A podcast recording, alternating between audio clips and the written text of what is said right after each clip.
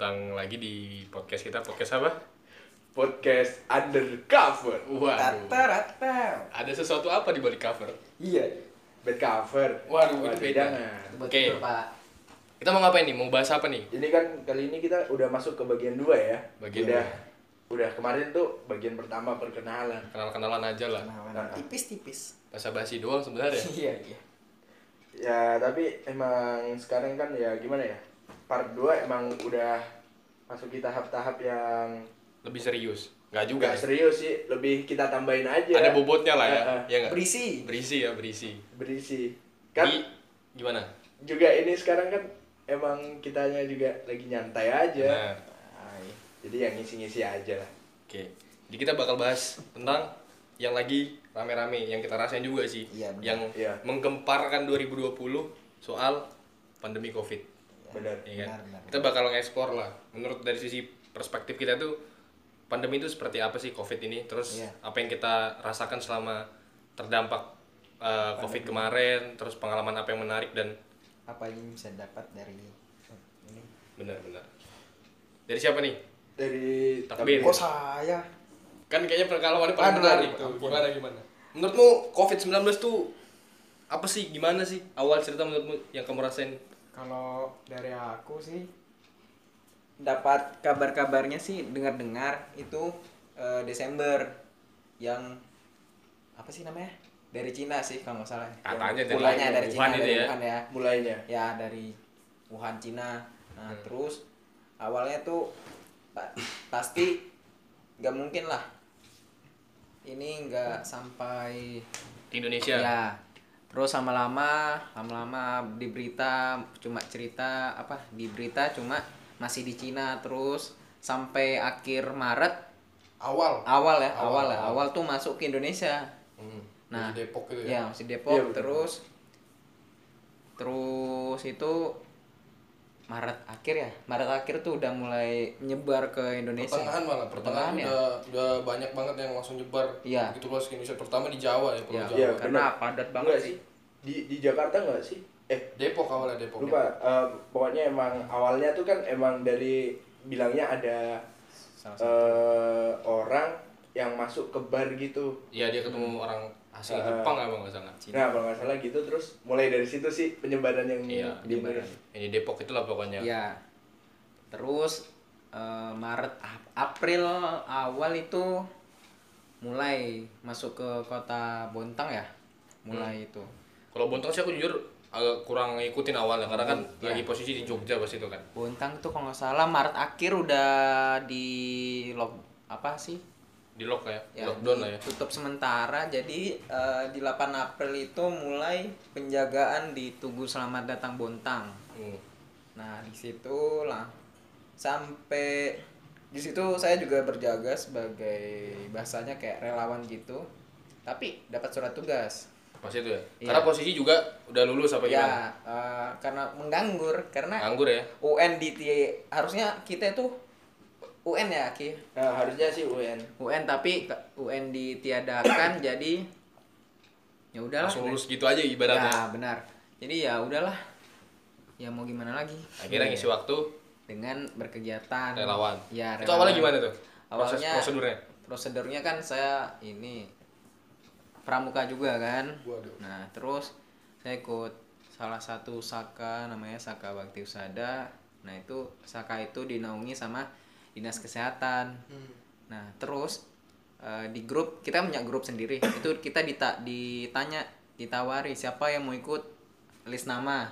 Nah terus saya eh, daripada saya gabut juga di rumah mendingan saya mencoba buat ikut. Nah akhirnya tanggal 8 April itu debut bahasanya langsung ikut terjun langsung gitu nah. Awalnya ya. awalnya. Terus sampai eh, berapa bulan ya? April Mei ya dua bulan itu. Bulanan. dua bulanan. Eh, sebenarnya bahasanya kita ya ikut ikut ikut ikut aja. Maksudnya digaji nggak digaji ya Istilahnya iseng-iseng aja lah ya ya. iseng-iseng aja. Terus Coba-coba. ya ikhlas ikhlas juga kita Kelas. kerja Namanya relawan kan ya? Ya. relawan juga. Tapi nggak nolak ya. nah kan namanya juga udah hasil kan Jadi kita akhirnya dapat intensif dari dinas. Pemerintah lah ya. Dinas dari terkait. dinas terkait yang mengurus. Ya alhamdulillah dapat. Walaupun sempat agak bermasalah juga di situnya masalah pembagian uang intensifnya. Hmm. tapi alhamdulillah dapat. Ya sampai situ. Lumayan lah ya. ya lumayan lah. Terus banyak juga eh, hal-hal yang tidak bisa apa sih bahasanya? Nggak bisa diperkirakan. Ya justru saat- terjadi gitu ya. Ya kayak banyak banyak pengalaman baru lah ya. Ah ya. Banyak yang diduga. Banyak banyak hal-hal yang tidak diduga di sana kemarin tuh banyak. Kayak Iya. gimana? Misalnya ada nggak orang yang nggak mau diperiksa atau gimana? Ada pas itu kalau nggak salah itu ya, yang ku ingat tuh hari Jumat. Jumat siang. Hmm. kan habis sholat Jumat suruh langsung datang jam 2 jam 2 datang set udah berapa mobil kan lewat set. Ada orang nih dari luar kota. Hmm. ditanya Mas dari mana Mas? Dari Samarinda. Ini Masnya PP atau gimana? Hmm. oh ini saya cuma ngantar saudara saya. Wah. Nah, terus Yuk, Mas bisa nggak eh, ini yang ngomong ini eh, saya cuma ngelihat tapi eh, ada salah satu orang dinkes yang memang ngurus bagian laporan. Hmm. Itu yang ngomong Eh, terus dibilang lagi Mas bisa panggil nggak orang yang apa yang yang mau ke Bontang ini Hmm. Nah, terus loh, kenapa nggak saya aja, Mbak? Loh, kan Mas apa? Bukan Mas yang tinggal. Jadi tolong bisa dipanggil dulu. Ah, ganggu aja ini. Langsung di langsung orangnya itu yang yang ngomong itu langsung balik lagi ke mobil manggili si penumpangnya ini. Terus Eh, ya kan si orang orang dinkes ini yang kayak nggak terima gitu kan Hmm. kita di sini buat ngejaga gitu sampai dipanggil salah satu eh, apa atasan bukan tentara gitu kan ngomong Hmm. pak ini pak masa kita disuruh buat ngenyatet aja lapor bilang mengganggu Hmm. perjalanan langsung di situ orangnya ini eh, kayak udah udah Wah. apa ya udah kesel kesel. kesel tapi dia kayak memang salah gitu nah. Ah, jadi iya, kayak iya. udah udah pak nggak usah di apa diperpanjang. Ya udah sampai situ udah. Jadi jadi intinya orangnya dari luar tapi dia agak ngeyel ya nggak Ngeyel, mau ya, diperiksa lah istilahnya. Iya. nggak mau ngikutin prosedur ya. Ya, benar itu. banyak banget tuh. Iya. Jadi tantangan tersendirinya kadang-kadang berarti di satu sisi pandemi yang cukup men- men- apa berdampak Iya. tapi jadi kesempatan baru buat jadi relawan lah ya. Ya benar benar benar. Tapi ada tantangan tersendiri juga Iya, di dalamnya tadi itu. kayak Karena- di berita-berita juga kan banyak orang-orang yang Iya. ngeyel lah Indonesia itu juga bungul gak sih iya Iya kan? keras juga kasih tau ngotot dikasih tahu aduh Nah. waduh ini Ya, Indonesia mancing aja. mancing enggak ada lagi nggak kira-kira hal baru apa yang kamu dapat pas pandemi dan dampaknya kamu apa sih kemarin tuh juga ada ini pas tanggal 8 April itu pas awal awal hmm. itu di Bontang Bontang berapa ya itu yang positif itu tanggal 8 April itu masuk ke Bontang. Hmm. jadi eh, jadi terus ada salah satu orang di situ yang jaga juga sama aku. Itu yang ini kena rea apa tes reak, Reak- ra- anu, rapidnya reaktif. Reaktif. Iya. jadi kita itu semua yang jaga di situ. Maksudnya yang satu shift sama orang dinkes itu di rapid. Jadi kita nggak tahu kan namanya mencegah. Ah. jadi ya udah di rapid semua. Tuh ada yang reaktif kalau yang dari kitanya negatif. Negatif Cuma dia aja yang reaktif karena kan tidak bersentuhan Ah. gitu. oke oke bersyukurnya sih gitu ya Iya langsung juga, Cok. Kalau positif pas itu anjir. waduh berarti orangnya positif apa negatif gitu negatif Positif. Eh, cuma reaktif aja rapidnya. oh. Reaktif, tapi enggak positif itu. tapi orangnya positif ya stay positif maksudnya Iya, pikirannya. Oh, Kalau negatif terus ya makin turun. Iya. Ih. Oke dari Haki gimana Ki? Wah, kalau kalau aku yang ya, dirasain selama pandemi dan Iya. dampaknya apa sih kalau aku sih emang ya kayak pas itu baru sebenarnya kan baru dengar berita-beritanya tuh ya di Maret-Maret gitu Nah, kan. nah. Eh, awalnya tuh masih biasa, maksudnya masih di luar Indonesia doang. Iya. Tiba-tiba kok makin ke sini kok tiba-tiba ada yang di Indonesia kena juga. Kena juga. Waduh, makin jadi nih. Terus pas udah agak berapa lama gitu di April kah atau apa gitu makin banyak kan yang di Indonesia. Bener. Terus ada pencegahan-pencegahan yang ada dari negara, pemerintah juga. kan. Jadi tuh aku mikir itu.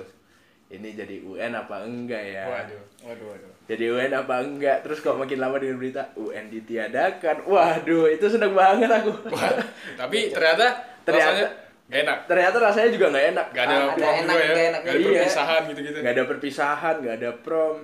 Ya pokoknya kayak, Kayak yang hampa gitu. Eh, kayak Kayak terlalu giveaway ya. Gratisan banget ya. Kayak tiba-tiba aduh. tapi kayak cuma lulus tuh udah ya udah lulus Iya lulus kan? doang Iya kan? Kayak- udah kayak- selesai Ya, aduh. Bangun tidur kok udah lulus gitu. iya Kan kok beda ya? tapi abis itu mikir kan Hmm.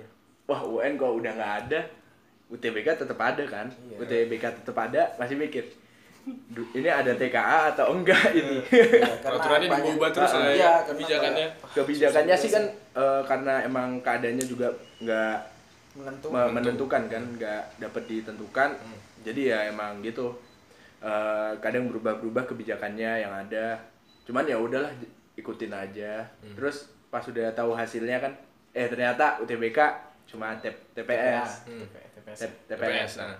Pas tahu TPS aja wah itu seneng banget kan Hmm. ya udah tapi kerjaanku mulai dari situ ya udah belajar belajar aja soalnya kalau eh, keluar pun kan pas misalnya ada mulai di Samarinda tuh yang banyak kena covid Iya, zona merah.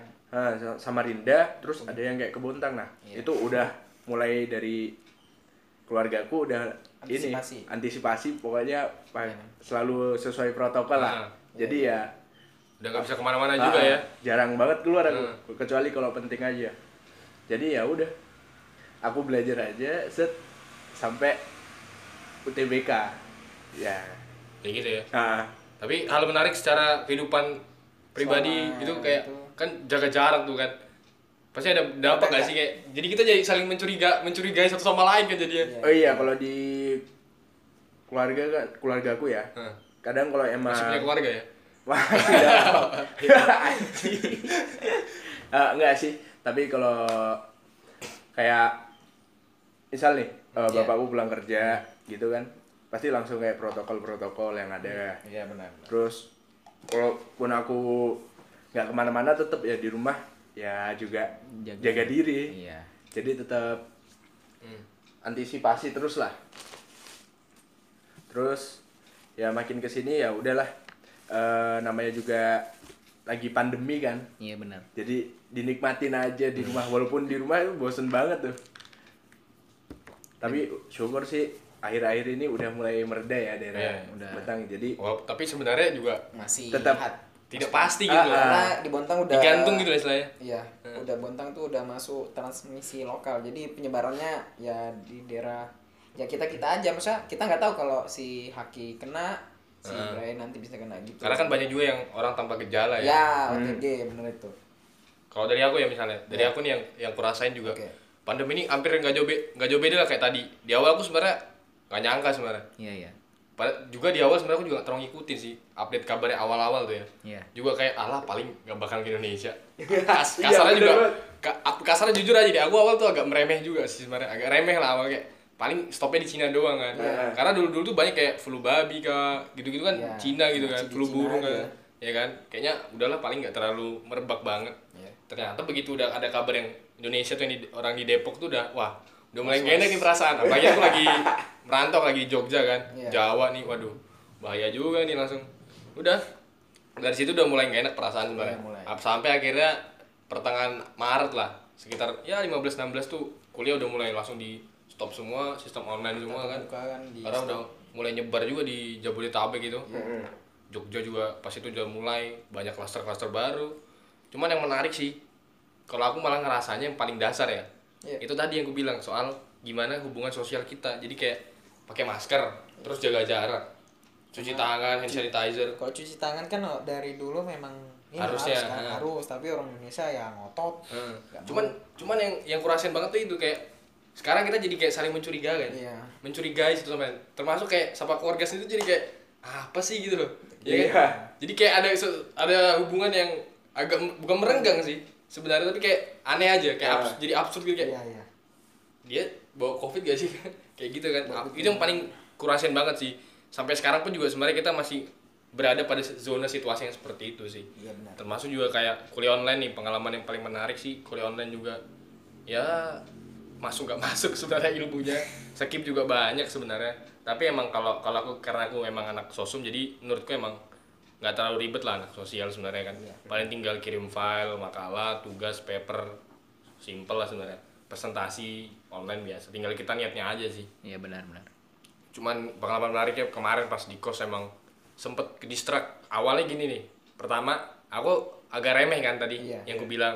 Remeh. Jadi aku agak mager sebenarnya. Padahal udah ditawarin balik tuh Pulang. dari Maret tuh pulang ke Bontang Kalimantan kan pulang tapi aku masih remeh tuh kayak mager karena bayangin aja kalau aku udah balik dari Maret sampai sekarang nih udah berapa bulan tuh tinggal kan Iya. apalagi kan pulangnya dadakan gitu loh nggak siap nggak sempat bersih bersih atau Iya. ngepakin apa gitu kan Nah, ya udah Iya. dari situ aku remeh mager-mager ketunda begitu juga teman-temanku udah banyak yang udah pulang ke daerah-daerahnya Iya. termasuk yang anak bontang juga di Jogja kan balik-balik sampai akhirnya April tuh satu bulan kemudian Iya.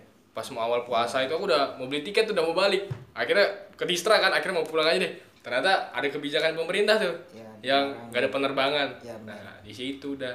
Kenanya aku di situ kualatnya di situ. Karma. karmanya di situ emang. Akhirnya aku harus nahan diri lagi sebulan lebih. Sebulan, ya. ya sebulanan lebih sampai awal Juni. Udah kira Juni itu balik yang udah mulai longgar kan tapi pakai syarat rapid test gitu gitulah Iya. udah pengalaman menariknya di situ sih ya tapi tapi nggak terasa sih sebenarnya. Pas dari April tuh ke Juni tuh nggak terasa yang awalnya kayak berat anjir aku harus ngapain lagi nih? Udah nggak ada orang di Jogja kan udah pada balik sementara lockdown kan. Sebenarnya sih eh, awal-awal awal pandemi itu kayak berasa seneng banget kalau aku ya. Wih, seneng banget nih. Wah libur-libur nih.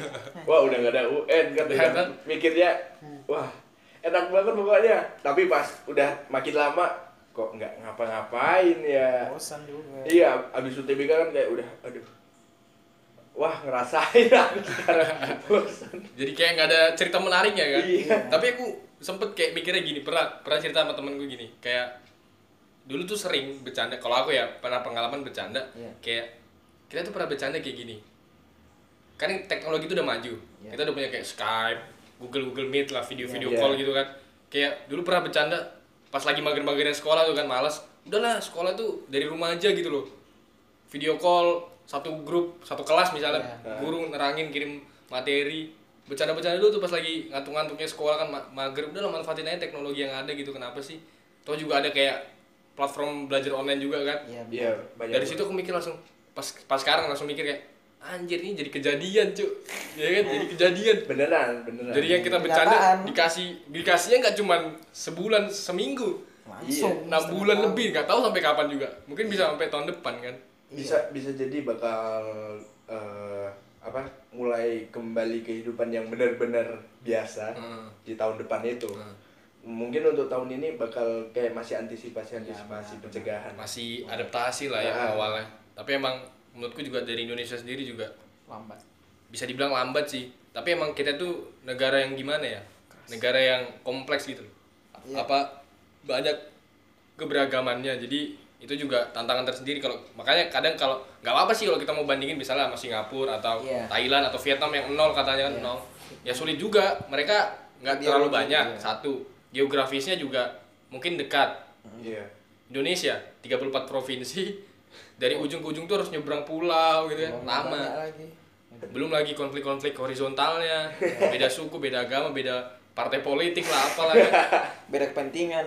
Mm-mm. Nah, itu. banyak banget sih tapi emang kayak orang-orang kan juga kalau menurutku ya Hmm. orang-orang yang mungkin eh, kebutuhan ekonominya di bawah rata-rata kalau menurutku itu kayak sebagai dilema gitu loh dilema ya Iya.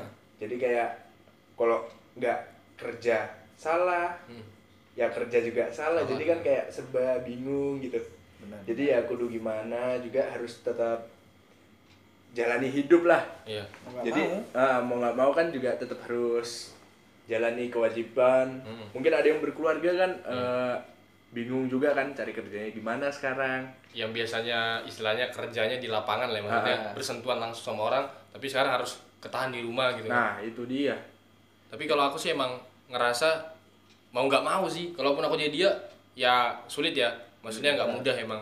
Kalau kita jadi dia misalnya nih nggak ada duit tapi harus dari rumah dari mana yang biasanya keluar rumah kan. bener banget. Tapi menurutku tadi yang aku bilang salah satunya pandemi ini dampaknya adalah membuka inovasi yang sebenarnya sebenarnya kita tuh udah pikirin sebenarnya. Harusnya udah kita pikirin karena realisasikan aja. Kayak banyak kita bicara soal revolusi industri misalnya Iya. yang pemanfaatan teknologi kan nah harusnya itu udah salah satu poin juga sebenarnya. Artinya kan pandemi ini walaupun nggak ada yang mau ya siapa yang Iya. mau juga kan. Iya. tapi kan akhirnya membuka peradaban baru. Iya benar. Gimana? Makin banyak sih sekarang maksudnya apa ya? Eh, kayak malah sekarang kan gara-gara covid ini Hmm. makin banyak sebenarnya yang kayak jual online online. Mulai mulai banyak. Ah, banyak banget kayak eh, mendorong orang itu untuk berinovasi inovasi lah ya out of Iya. box ya out of Ah. box ya Benar, jadi benar. banyak jasa-jasa menarik kayak dulu mahasiswa cari dananya jualan-jualan atau apa eh, pet promote gitu ya misalnya Iya, benar. sekarang banyak yang jasa baru kayak jasa bersihin kosan Iya. karena Iya. kosan ditinggalnya berbulan-bulan lebih kan Iya, ada kayak gitu ada tuh cuman nggak tahu gimana tuh kerjanya tapi bagus sebenarnya kan beradaptasi Iya. menarik juga sih menjanjikan juga marketnya terus kayak platform pasar online karena kan salah satu tempat yang rawan covid juga pasar kan Iya, pasar karena pasar umum. tradisional tuh kan Iya, bikin benar. juga kayak pasar onlinenya jadi tinggal jual belinya lo online aja Iya. beli wortel apa beli apa lah pokoknya tapi tetap banyak sih yang di pasar-pasar gitu jualan pasar. Mm-mm. yang belum mengenal sistem online Mm. walaupun paling kan jarang banget maksudnya sekarang kan orang rata-rata pasti udah kenal lah iya sistem online WA WA gitu biasanya kan ya pasti harusnya ya ada lah yang berinovasi untuk jualan online iya Iya, kayak tadi yang gue bilang juga, ya itu kesimpulannya sebenarnya salah satunya da, pandemi ini juga dampaknya membuka inovasi yang sebenarnya kita udah pikirin sih, teknologi Iya, sih, benar, Pan. benar. online, media, daring lah pokoknya gitulah. Orang-orang kan jadi belajar, orang yang mungkin dulu gaptek mau nggak mau harus adaptasi juga. Tapi menurutku dampak negatifnya tadi hubungan sosial kita jadi Berkurang. agak merenggang bisa dibilang gitu ya. Iya. Indonesia orangnya sukanya berkumpul, rame-rame, nongkrong, tapi harus dibatasi seperti ini gitu loh. Walaupun sebenarnya ada aturannya nggak Iya. boleh nongkrong juga. Ya itu Indonesia. Ya iya juga ya. Keras Keras. kepala tetep aja. Tetap aja masih ramai di pinggir jalan. Oh iya termasuk juga kayak orang jualan tuh. Iya. sekarang kan akhirnya bergeser yang dulu jualan misalnya jualan bakso apa ngojek akhirnya jualan masker Hmm. Iya. face shield ya kan? Banyak. Hand sanitizer lah. Iya iya. Wah hand sanitizer tuh rame sama masker masker mulai menjamur. Eh. siap jalan ada yang jual masker. Tapi masker yang zaman zaman pandemi itu loh. Zaman zaman pandemi kan langsung orang-orang pada borong. Iya. Di- awal-awal langsung borong Ditimbun, buat- heeh. iya Iya. timbun sampai banyak masalah itu. Di stok di mereka sendiri kan. Tapi ya, harganya naik drastis. Makanya gue bilang waduh ini pengusaha masker. penghasil ya produk produsen masker nih kaya ini keuntungannya naik. Awal-awal naik tapi lebih dari lima kali lipat loh aku dulu Harga tuh awal, sebelum iya. pandemi ini beli beli masker kan Hmm. sekotak itu cuma berapa ya 60 apa 40 gitu ribu iya Hmm. 60 Sekarang? 40 ribu Setelah sekarang pas pas pandemi? pandemi, itu pernah sampai 300 400 300 400 500 melihatnya kan kayak ini beneran atau enggak itu ini baru satu orang yang beli kan Iya. belum banyak kalau gitu. Gila yang bisnis di bisnis dalam bukan sehari ya mungkin dalam satu mar- apa supermarket Iya. satu warung bisa udah 3 juta 5 juta lebih mungkin tergantung lah berapa pak di sini kan iya gila Eh mungkin sekarang kan yang suka nimbun-nimbun itu juga mikir kan pas awal Iya, dulu kan pasti. banyak sebenarnya kan orang nimbun Lama-lama tuh bisa jadi dia menjaga apa uh, usaha preventif dia Hmm. mencegah Iya. tapi bisa juga dia emang mau bisnis gitu mau jual memang. dinaikin Sengaja. lagi harganya Iya, ya kayak gitu aja mereka kan dulu sebenarnya. gitu awal-awal lama-lama kan merugi mereka sekarang malah. Hmm. merugi gara-gara ya orang Indonesia makin turun itunya penjualannya. Karena ya kan soalnya udah menjamur. soalnya nggak bakal menjadi pasar yang tetap gitu loh Iya, jadi sementara harganya Hmm. apa tinggi. Itu Iya. pun paling sementara aja kan. Orang sekarang udah pakai masker yang enggak juga yang yang kain gitu ya, ya yang bisa dicuci. Ya karena orang Indonesia kan malas beli ya udah kalau ada yang ka- kalau ada yang selain ini kan biasanya masker medis masker yang itulah Hmm. sekarang masker kain kebanyakan kadang kita tuh maunya yang instan juga ya ya, benar nggak mau susah gitu, gitu benar, benar. jadi ya, dikasih tahu ngeyel ya kan tapi Iya.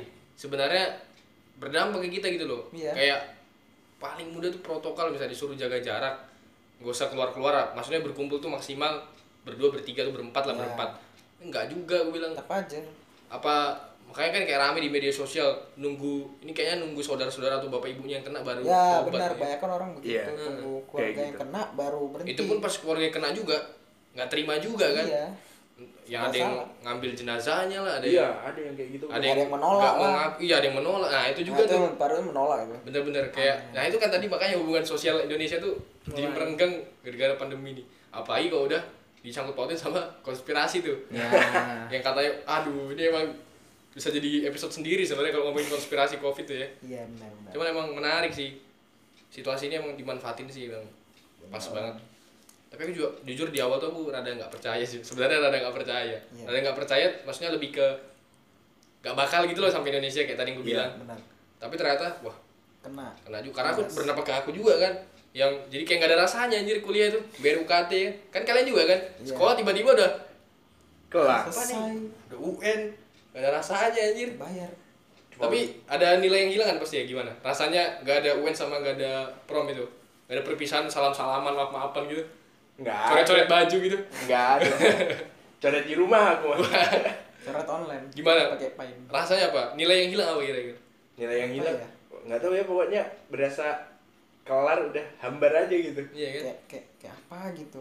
Iya kayak kayak ada yang hilang perasaan apa tapi ya? emang mau nggak mau kan emang dengan keadaan kayak gini mau nggak mau ya iya. nggak bisa lah juga kita karena emang ya nggak ada yang nggak ada yang diselamatkan di saya di situasi. Iya. siapa pun ya mau orang kaya miskin mau apalah orang Semua kerja apa pun mati. dari elemen bagian mana pun Atas semua itu kena. Iya. Iya berdampak ke semuanya. Kecuali orang yang punya kepentingan. Nah itu beda lagi tuh. Nanti lah nanti ya. Iya. itu beda lagi tuh urusannya emang Indonesia. Tapi sebenarnya menurut kalian lebih senang ada UN atau enggak? Jujur sih kalau aku udah nyiapin UN itu jadi pingin ya? lebih pengen UN Ini- pun hasilnya nggak seberapa. Iya benar sih. Tapi tetap pengen UN tapi Iya. nah juga udah keputusannya nggak ada kan ya udahlah dinikmati juga seneng juga.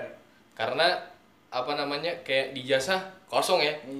Ijazah cuma nilai uas nilai eh nilai rapot lah ya selama dua. lima semester itu enam Iya, semester kan. bagi dua sama Hmm. Nilai uas udah gitu aja. Tinggi juga.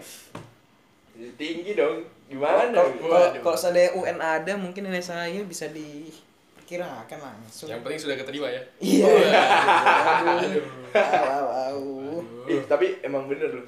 Kayak eh, anak-anak yang SNM ya. Kalau anak sekolah yang keterima SNM itu bener-bener pasti dari awal pandemi itu udah bakal ngerasa bosen banget kalau menurutku Yalah. terus ada juga emang iya temen gue ada juga kan yang udah keterima itu bilangnya emang kayak ya kegiatan sehari-harinya cuma di rumah Nggak ngapa-ngapain. nggak ngapa-ngapain Makanya kayak dibilang anak sekolah tuh jadinya Iya. negatif corona, positif bego. Iya.